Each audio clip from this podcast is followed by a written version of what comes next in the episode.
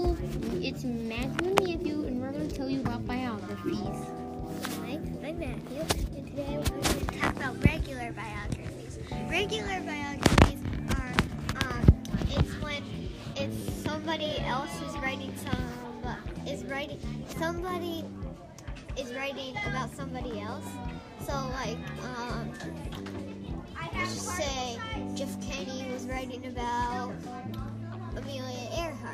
that's a biography. And inside of biographies are like pictures, or yeah, like pictures, um, text, all those text features. It's kind of like um, nonfiction, but like about a person. specifically about one person. Yeah. And I'm I'm Matthew, and I'm gonna tell you about um autobiographies. Now you might think they're about cars, but they're not.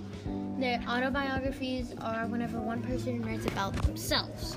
So like, uh, whenever you write kind of like a personal narrative about an event of your in your life, that's kind of like an autobiography, except talking about a specific event. And an autobiography, what I just said, pretty much just one, if like I wrote about myself, it's an autobiography.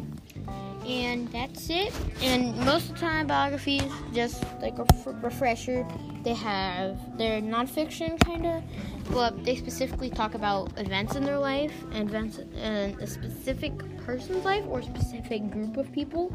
You're talking about like a singer or a group of singers, like a band. Yeah, so that, has been Matthew and Matthew, and we have told you about biographies.